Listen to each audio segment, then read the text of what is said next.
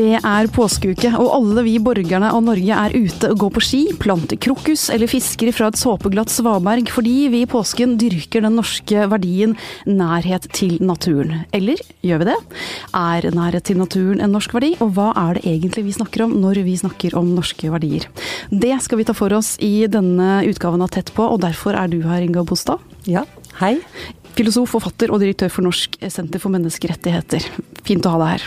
Vi skal også snakke om noe av det som er aller vanskeligst for oss mennesker å oppleve i livene våre, nemlig å bli avvist. Du har skrevet bok om det, psykiater og veileder i psykoterapi Tormod Huseby.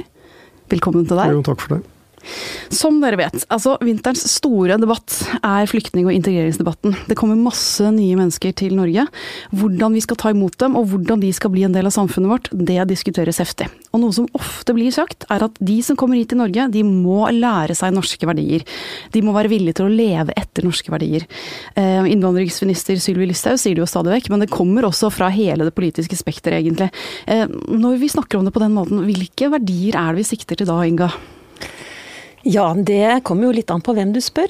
Eh, jeg tenker at norske verdier både handler om den enkelte, hva slags verdier de enkelte mennesker eh, legger til grunn for sitt liv, og mer kollektive verdier. Eh, verdier er jo gjerne noe som varer ved, det er noe du holder for sant og riktig, i motsetning til ulike typer av holdninger eller synspunkter, så er verdier noe som, som, ligger der, og som er ganske grunnfestet.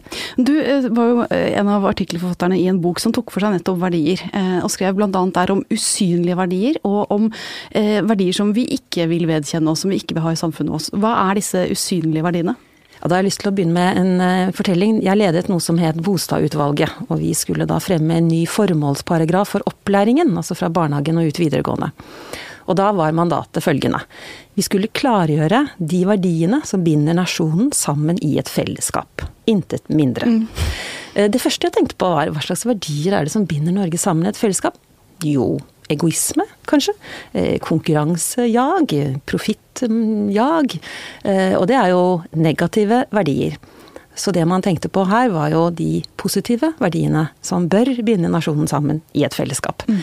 Og for meg så når jeg skrev det med, med, usynlige verdier, så var det litt med tanke på at språket kan ofte skjule en annen virkelighet.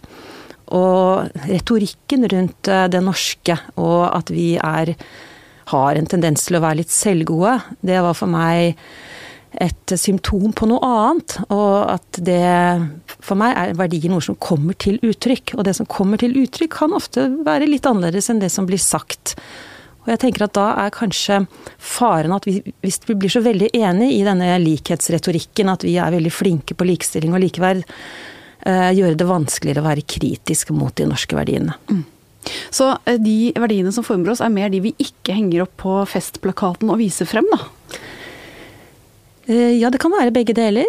Eh, men det som faktisk gjøres i, på skolegården, i klasserommene, Eh, på terapirommene, i, eh, eh, på loppemarkedene. Det som kommer til uttrykk mellom mennesker, tenker jeg det er også i organisasjoner og institusjoner i vårt system, som jo tross alt er maktfordeling mellom dømmende og utøvende lovgivende makt i Norge. Det er også et tegn på de verdiene som vi mener er viktige å holde fast ved. Mm. Altså, det som man ofte trekker frem da, når disse politikerne blir bedt om å spesifisere hva de mener, så sier de ja, likestilling, toleranse, ytringsfrihet, rettssikkerhet. Eh, og det, ikke, det kan ikke plasseres på nasjonen Norge. Det var ikke vi som oppfant disse størrelsene her. Nei, det kan du si. Vi har nok formet vår egen likestillingspolitikk, som eh, langt på vei kan sies å være en del av eh, de nordiske landene, i hvert fall. Og deres syn på likeverd og likhet eh, mellom folk. Men når det er sagt, så er det også viktig at kultur har også rommet og rommer motsetninger og kamper. Så disse verdiene som vi kaller norske, de har også kjempet frem gjennom veldig mange typer av motsetninger, og de fins nok der enda. Mm. Er det en norsk verdi kanskje å kunne ta en den type kamp også? At vi har takhøyde og vilje til å gjøre det? Jeg tror det, og det at vi er så opptatt av kritisk refleksjon, og vi lærer det på skolen, og vi lærer det til X-Fill, så, så tenker jeg at det er noe vi er enige om. At man både skal ha ytringsfrihet, Eh, og Og det betyr også at uh, man skal akseptere de som faktisk har andre verdier. Det er også en verdi. Mm. Er vi gode på det, da? Toleranse? Altså sånn Norge opp gjennom historien kan vi vise til å ha vært et tolerant folkeferd? Det er eh, litt vanskelig å svare på. Vi har jo eh, en tradisjon for at vi har vært eh, lang, bodd langt fra hverandre. Og den avstanden mellom mennesker har, for å svare litt på det andre du begynte med, nemlig forholdet til naturen, mm. har å gjøre med at vi kanskje mange har følt seg nærmere dyra på gården eller naturen rundt enn andre mennesker, fordi vi har levd så spredt. Men etter hvert så har vi jo tatt del av både opplysningstiden og eh, den amerikanske og den franske revolusjonen har jo direkte påvirket også vår egen grunnlov. Så det finnes veldig mange eh, strømninger som gjør at vi, vi er en del av eh, Europa og hele verden. Mm. Men nærheten til naturen også, med et slags utspring muligens i at vi syns det var lettere å omgås naturstørrelser som, som dyr og grantrær enn folk, rett og slett? Ja, det fantes jo en, eh, en Det fins en serie der ingen kunne tro at noen kunne bo. og den, den, den, er jo uttrykk for noe litt spesielt norsk, kan man kanskje si. Og der viser det seg det at det å leve langt fra hverandre, det kan også romme en veldig intimitet i forhold til, uh, til dyr og natur. Så det er en annen form for nærhet enn det man kanskje er vant til hvis man vokser opp i en storby. Du var inne på det eh, for, for, litt siden, dette her med loppemarkene. Det er verdien som kommer til syne er Dugnadsånden. Det er jo noe sånt som vi virkelig tenker på som typisk norsk. Kanskje også økonomisk nøysomhet. Vi er liksom en, en, folk, en folkegruppe som ikke øser ut med ting. Men er det slik at verdier går ut på dato? Eh, det er ikke så mange som jobber på dugnad lenger. Det er heller ikke like mange som er økonomisk eh, nøysomme som f.eks. før oljealderen. Ser du noen verdier som avgår med døden etter hvert?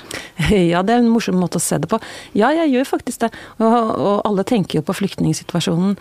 For meg er det mm, beste bildet på den opplevelsen jeg har i dag, det er at vi ser oss selv i speilet, vi nordmenn. Og så, og så ser vi noe annet enn det vi har pleid å se. Altså, vi har likt å se på oss selv som et, eh, et raust og inkluderende samfunn. Og så ser vi at vi må inngå en del kompromisser, at vi eh, faktisk må stenge grenser eh, av ulike typer hensyn, som gjør at vi får et annet selvbilde. Så ja, det tror jeg. Men det med dugnad, det, det tror jeg vel nesten er litt typisk norsk. Jeg har noen venner som kommer veldig langt eh, vekk ifra, og de eh, følte seg ganske ensomme i Norge når de kom hit. Og så sa det helt til barnet mitt meldte seg inn i korps. Ja. da ble jeg invitert på dugnad på loppemarked, og, og da møtte jeg den norske kulturen på sitt beste. Og det er et fellesskap du ikke så lett kommer ut, i, ut av når du først har kommet inn i det. Så der, har, der har du en ny familie. da blir du der. ja, sa korpsmammaen. Eh, de siste månedene så har det også vært snakk om eh, Det har vært oppstyr rundt episoder f.eks. i Tyskland hvor kvinner har vært utsatt for en slags sånn koordinert sånn massetrakassering eh, på offentlige sted. Og så har man sagt i ettertid at de som gjør det, er innvandrere som har kommet til Europa, som ikke kjenner kulturen og som ikke kjenner verdiene. Derfor så oppfører man seg på en annen måte mot kvinner enn det vi ville gjort her. Er det en, er det en god analyse, syns du? Jeg syns ikke den analysen er god, men den er et første skritt på veien til å forstå hva det er som skjer når kulturer møtes. Og eh, Dia Khan, som eh, er opptatt av menneskerettigheter, hun eh, lagde en film som het 'Jihad', om ekstremisme. Og den filmen handlet veldig mye om møter mellom kulturer, i den forstand at det er snakk om identitet. Og det å aldri være god nok, verken i din egen kultur eller i den nye kulturen du kommer til, og ikke forstå helt hvordan du skal oppføre deg. Og det er klart at eh, det er forskjeller i kjønnsroller og synet på likestilling mellom kjønn, og at det er mange fine og gode og eh, grunnleggende eh, kamper som vi har tatt her i Norden, og som vi ønsker å holde veldig fast ved. Men, å, men det å fremme de verdiene, det kan man gjøre på veldig mange måter. Eh, å fortelle folk eh, med plakater på et kurs på to timer når de kommer til et asylmottak, betyr ikke at de endrer seg. Å og ikke vite noe om hvorfor noen gjør det de gjør, er heller ingen god, et godt utgangspunkt for å prøve å endre på det. Så her trenger man jo kunnskaper om folk. Og det Diakan sa eh, sist hun var i Norge, var jo det at vi, vi snakker jo altfor lite sammen. Og vi treffes altfor lite. Det er ingen møteplasser på tvers av kulturer. Så vi vet egentlig altfor lite om hverandre. Mm.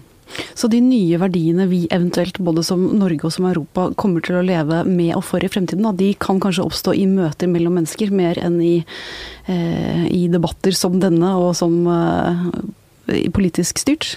Ja. Det tror jeg. Ja. Og da, hvilken verdi eh, syns du vi skal sette øverst? Da er det dugnadsånden vi skal bygge mest på? Ja, det er jo et veldig fint ord. Eh, men veldig mange av disse ordene som var inne på i sted, de, de, de blir veldig fort slitt. Da. Og det og for meg handler det ikke så mye om å snakke om det, som å gjøre det. Så vi kan gjøre dugnad. Det tror jeg er en god idé. La oss gjøre dugnad. Og hvilken tid er vel bedre enn å gjøre det på enn f.eks. denne påskeferien, hvor vi faktisk har litt tid til det. Tusen takk, Inga Bostad. Eh, du skal få lov til å mene noe om avvisning også, hvis takk. du vil det, som er vårt neste tema. Men det som er autoriteten der, det er jo deg, Tormod Huseby. Eh, du har skrevet boka 'Alene naken', hvor du sier bl.a. at det å Altså avvisning, det er en utrolig sterk kraft mennesker imellom. Eh, hva mener du med det? Ja, avvisning er jo daglig, dagligdags, men det er jo likevel, så vet de fleste av oss at det stikker dypt, selv dagligdags avvisninger. Og nå skal ikke jeg blande inn pasienter for mye, men det er jo de som på mange måter kommer til meg fordi de føler seg avvist. da. Mm. Avvisning som en hverdagsting, hva slags type Da snakker vi ikke bare om kjærlighetsforholdet som går i stykker, der snakker vi om små og store ting som preger oss mm. mer enn vi vet om, da? Ja, det hører jo med til livet å bli avvist. Altså, vi, vi, prøver hverandre ut. Vi prøver å finne hvem skal være venner med, og uh, hvem skal være kjæresten våre, osv. Vi blir jo avvist hele veien på det, og uh, vi blir avvist i forhold til jobbsøknader, f.eks. Og hvis vi ser på dagens teknologisamfunn mm. altså Det var en pasient som sa i går at en er på, er på Tinder. Og da sier hun der, der, blir vi jo, der blir vi jo avvist og avviser hele tiden. Og på Facebook også så er det jo like, og hvis man ikke blir liket, så føler mange seg avvist. Mm. Det er sånn helt enkle avvisninger. Eh, så er det alle har, De fleste har opplevd kjærlighetsproblemer, altså, altså brutt forelskelse, eller hva man skal kalle det. Og det hører jo med til livet. Så, men det jeg skriver i boka, det er jo at evolusjon, evolusjonsmessig så er det veldig vanskelig å bli avvist. Fordi hvis vi ser på de afrikanske savannene Hvis vi da, eller ikke vi, men hvis man da ble avvist, så var det jevngodt med døden. Mm. For da var du ikke en del av fellesskapet lenger? Du fikk ikke være med i den stammen som ja. skulle operere videre? Ja, så flokken da er jo helt livsnødvendig for oss. Altså genetisk sett mener i hvert fall de teoretikerne som har lest på dette. Mm. Og de genene ligger kanskje i oss enda. Og nå er det jo ikke liv og død lenger på å bli avvist. Men det er jo ikke noe verdig liv å gå alene. Og jeg, bokas undertittel er jo 'Hvorfor, tør, hvorfor eh, er vi redd for å være oss selv'? Og det mener jeg kanskje er den, eh, altså den sterkeste eh, frykten for å være oss selv. Det er jo nettopp avvisning. Og hvorfor det? Jo, da kan vi gå tilbake til steinaldergenene. Vi kan gå tilbake til dagens samfunn hvor ensomhet er faktisk en av de siste tabuene. Det er jo to, to, det er to, et psykiaterektepar i Amerika som har skrevet om the American loneliness. Og de sier at mange pasienter kommer til terapirommet med diagnosen eller selverklært depressive. Og så begynner de også å spørre ut. Og hva skjer da? Jo, de er egentlig ensomme. Men ensomhet er tabu. Mm. Kanskje et av de siste tabuene. Sånn at da er det lettere å si du er deprimert fordi det er blitt mer akseptert. Men det er interessant, for det å være seg selv, det, er jo, det sies jo så mye at det nesten blir helt forslitt. Altså fra Ibsens uh, 'vær deg selv fullt og helt og ikke stykkevis og delt', til alle som er dommere i uh, alle mulige talentkonkurranser, til folk som skal gi råd når man skal på en date. Bare vær deg selv, så ordner det seg. Men så er vi kanskje nettopp redd for å vise hvem vi virkelig er, da, for det kommer inn en skam der. Hvis noen ser ikke bare glansbildet, men, men helheten. Er det, er det der frykten ligger? Ja, altså du, du, kan si i terapirommet mitt, da. Det, det er, og da høres Noen tror kanskje det er folk som virkelig sliter, men det er stort sett veldig ressurssterke folk, sånn som dere to. Det er liksom standarden. Og de kommer og har en erklæring om at 'jeg er ikke elskbar'. Jeg er ikke, og, bare, og så kommer det gjerne en undersetning. Bare, altså det er avsløringsfrykten. Bare de ser hvem jeg egentlig er, så vil de ikke like meg. Og de kan være flinke, en dag blir jeg avslørt. For de tror egentlig ikke at de er flinke. De tror egentlig ikke at de er snille. Så jeg bruker ordet magefølelse. Ja, de, har, de har ikke magefølelse for hvor bra de skal være som mennesker, hvor flinke de skal være som mennesker, hvor mye de skal bety for andre mennesker. Så de finner, Det er litt av dette perfeksjonistiske samfunnet som preges. da. Mm. Aldri bra nok. Men er det også noe med at vi iscenesetter oss til en stor grad også? Altså Vi ser jo veldig mange vellykkede mennesker der ute. Mm. Men jeg, også tenker jeg at det, hvis noen sier 'vær deg selv', så tenker jeg at noen av reaksjonen kan være 'jeg vil ikke være meg selv, jeg vil være i relasjon med andre'. Mm. Så det kan også være at man reagerer med å tenke på at jeg er ikke noe helt alene for meg selv, jeg er noe alltid i relasjon til de rundt meg. Ja, og det pleier jeg å si også, at vi er ikke en bestemt person. Vi er alltid en interaksjon, for å bruke et, et faguttrykk. Altså et samspill med et annet menneske. Altså, når jeg er sammen med deg nå, eller deg, så er jeg en annen enn det jeg er med han produser her. Ikke sant? Altså, jeg, vi, vi stiller oss mm. eh, inn umiddelbart på det. Og det betyr ikke at vi ikke er oss selv. Det betyr at vi har så mange lag, og vi har så mange sider som aktiveres da, i, i møte med andre mennesker. Um, så, men um, og så er det et annet spørsmål skal vi være oss, skal vi være oss selv hele tiden. Det er som en pasient sa. Nei, det er politisk Nei, unnskyld. Det er, det er sosialt selvmord. altså, det er ganske godt sagt. Eh, vi må, mm. vi må også mm. spille på det såkalte falske selvet som vi har. Men hvis man kommer med, med, seg selv da, hvis man prøver å være en person i interaksjon med andre, og det ikke fungerer. Hvis jeg mm. avslører meg selv som helt håpløst sosial inkompatibel med de jeg burde passe sammen med, og blir helt forferdelig flau og, og full av skamhet, hvordan skal jeg komme meg videre derfra? Hvordan skal jeg forhindre at det preger meg da i lang, lang tid fremover? Det er jo det pasienter går hos meg og prøver å få svar på, jobber med kanskje flere år. Mm. Altså det, er, det, sitter veldig sterkt, den grunnleggende selvfølelsen. Og jo dårligere selvfølelse vi har, jo mer skam er det, og den styrer oss veldig mye. Eh, apropos det, Brené Brann, skamforskeren, hun sier jo at hos kvinner så er kanskje avvisning veldig sentral trigger for skam. da. Sånn at avvisning og skam henger sammen. Men da, da, blir det jo Hvis vi skal tenke på normal avvisningsfølelse, så er det noe med å stille spørsmål til hvorfor ble jeg avvist nå? Var det noe med vei, eller var det noe med samspillet? For det er jo Det er jo, det er jo kan hende at vi rett og slett har turt å være oss selv og blitt avvist. Og der syns jeg denne Brené Brann har en veldig godt utsagn. Hun sier at vi passer ikke inn overalt. Og rett og slett godta det. Og hvis vi går inn i en sosial setting med det for øye å være oss selv, så kommer vi kanskje i en setting hvor vi føler oss avvist. Vi føler oss nedtrykt er, og, og, og, ne, altså føler oss uvel. Men vi går ut som oss selv. Og det tenker jeg også på, på Sissel Gran, som nå er ute med bok. I et intervju så sier hun Ok, i et parforhold så er det tøft for den som går, det er tøft å bli flatt. Men det, og det er vondt, men til syvende og sist så gjør man det fordi man rett og slett skal bevare selvet sitt. Mm.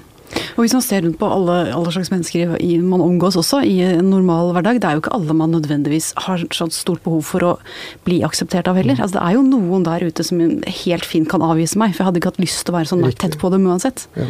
Det kan jo være en grei øvelse for seg selv. å tenke at uh, ja, og jeg, jeg, sier til, unnskyld, jeg sier til pasientene ok, du liker ikke alle du heller. Nei. Mm. Da, og da, akkurat som, da er det greiere å ikke bli likt av alle. Og jeg tenker også at det handler litt om eh, hva vi lærer de kommende generasjonene, og det å takle motgang og selv innrømme og sette ord på at, at sånn er det for de aller fleste mennesker. At vi, vi blir avvist. Vi, vi, vi, når ikke opp. Vi, eh, får ikke eksamen. Sånn er det for alle, og det er en del av livet å lære å si og sette ord på det. For det handler jo veldig mye om hvordan vi snakker sammen. Eh, og så tenkte jeg på en ting, og det er jo Knausgård. Og det er jo noe veldig befriende med det å tenke ikke sant, hva ville skjedd hvis jeg virkelig sa alt det jeg mente? Og bare sa det rett ut. Ikke sant? Om alt. Det som jeg går inni meg og tenker på hele tiden, men, men liksom ikke tør å si fordi man skal være så politisk korrekt. Bare sier det. Uh, og da får man jo sånne litt morsomme uttrykk for uh, kulturelle uttrykk, da, sånn som de bøkene hans. Som på en måte uh, Det er jo en umulig oppgave. For man er jo, man, vi er jo sosiale vesener. Mm, det er det jeg tenker, at det, det, er sosialt selvmord å være seg selv. Det går ikke. Mm. Så vi må tilpasse mm. oss av og til. Men skulle vi oppfordre til en liten påskedugnad på det også, da? Vi kan, vi kan snakke om verdier og skape nye verdier, men vi kan også kanskje lufte våre egne avvisningshistorier for å gjøre det litt mindre skambelagt. Og gjøre det litt eh, mer til å bære for andre. Ja det var være en god plan. Mm. Eh, altså eh, dugnad på avvisning og dugnad på verdier. Vi skal eh, fra avvisningens mørke over i det landskapet hvor avvisning er helt tilbakelagt. Inn i studio nå kommer Kristine Hellesland sammen med VG sex- og samlivsskribent Ingunn Saltbonet, som har gjort retrosjekking til en liten farsott de siste dagene. Velkommen, Ingunn. Tusen takk. Altså, Retrosjekking, vi må bare ta det aller først. Det er eh, den, tilbake til den romantiske sjekkingen. Ikke så mye på nett, faktisk ingenting på nett, men litt tilbake til de store gestene. Ja, vi, vi, vi, er jo da tre VG-journalister som, eh, som, Det, det starta jo med egentlig at vi da alle har vært gjennom samlivsbrudd, alle har prøvd seg på singellivets eh, oppturer og nedturer, og liksom hadde en prat over hva vi syntes fungerte og ikke, og alle var litt sånn lei av hele den derre litt sånn opplevelsen av veldig sånn hektisk nettdating, da. Kanskje en opplevelse av at det er rett som et sånn kjøttmarked der ute. Så vi begynte å, å, å tenke litt på å se, se, for oss alle disse amerikanske filmene, ikke sant. Mm -hmm. Og du har liksom at man, man, man, går på dansetilstelning, og man spanderer forfriskninger, og man, man og Problemstillinger rundt å bli sittende som veggpryd eller ikke, og altså alle disse ordene fra de gode gamle dagene. Så fant vi ut at ja, men dette kan vi jo relansere i en ny og litt mer moderne versjon. Mm. Og så har vi egentlig en oppskrift på en ny måte å sjekke på, eller en gammel måte som vi gjør litt mer moderne. Litt mindre kjappis, litt mer stirre hverandre dypt inn i øynene. Ja, litt mer stil og eleganse også. Hvordan kjennes det så langt? Jo, det kjennes veldig fint. Jeg står for denne. vi skal få utførlige rapporter fra Ingunns retrosjekkeliv fremover i denne podden, det kan jeg love. Men jeg lover jo ikke at jeg aldri går på nett igjen, da. Ok, ja. greit. Eh, dagens tema her, da, til denne lille sexpraten? Du, jeg tenkte nå å oppfordre folk som eh, er i den situasjonen at de som regel eller alltid har lyset av når de har sex, må se til å få det på. Oi! Nettopp. ja, fordi det er mange som har det av litt sånn Ja, hvorfor, hvorfor, gjør man det? Hvorfor liker man best det litt sånn dunkle i landskapet og når man skal ha sex? Altså, det er jo det som er litt sånn pussig. At selv partnere som har vært sammen i årevis, de kjenner hverandre så godt. Og likevel, når det kommer til sex, mm. så kan de bli litt sånn blyge i forhold til hverandre. Ofte greier de jo ikke å snakke om det heller. Eh, og, og, om hva de liker og ikke liker, og hva de tenner på og ikke tenner på. Så det blir en litt sånn derre Kan nesten til og med bli litt sånn keitete i mørket.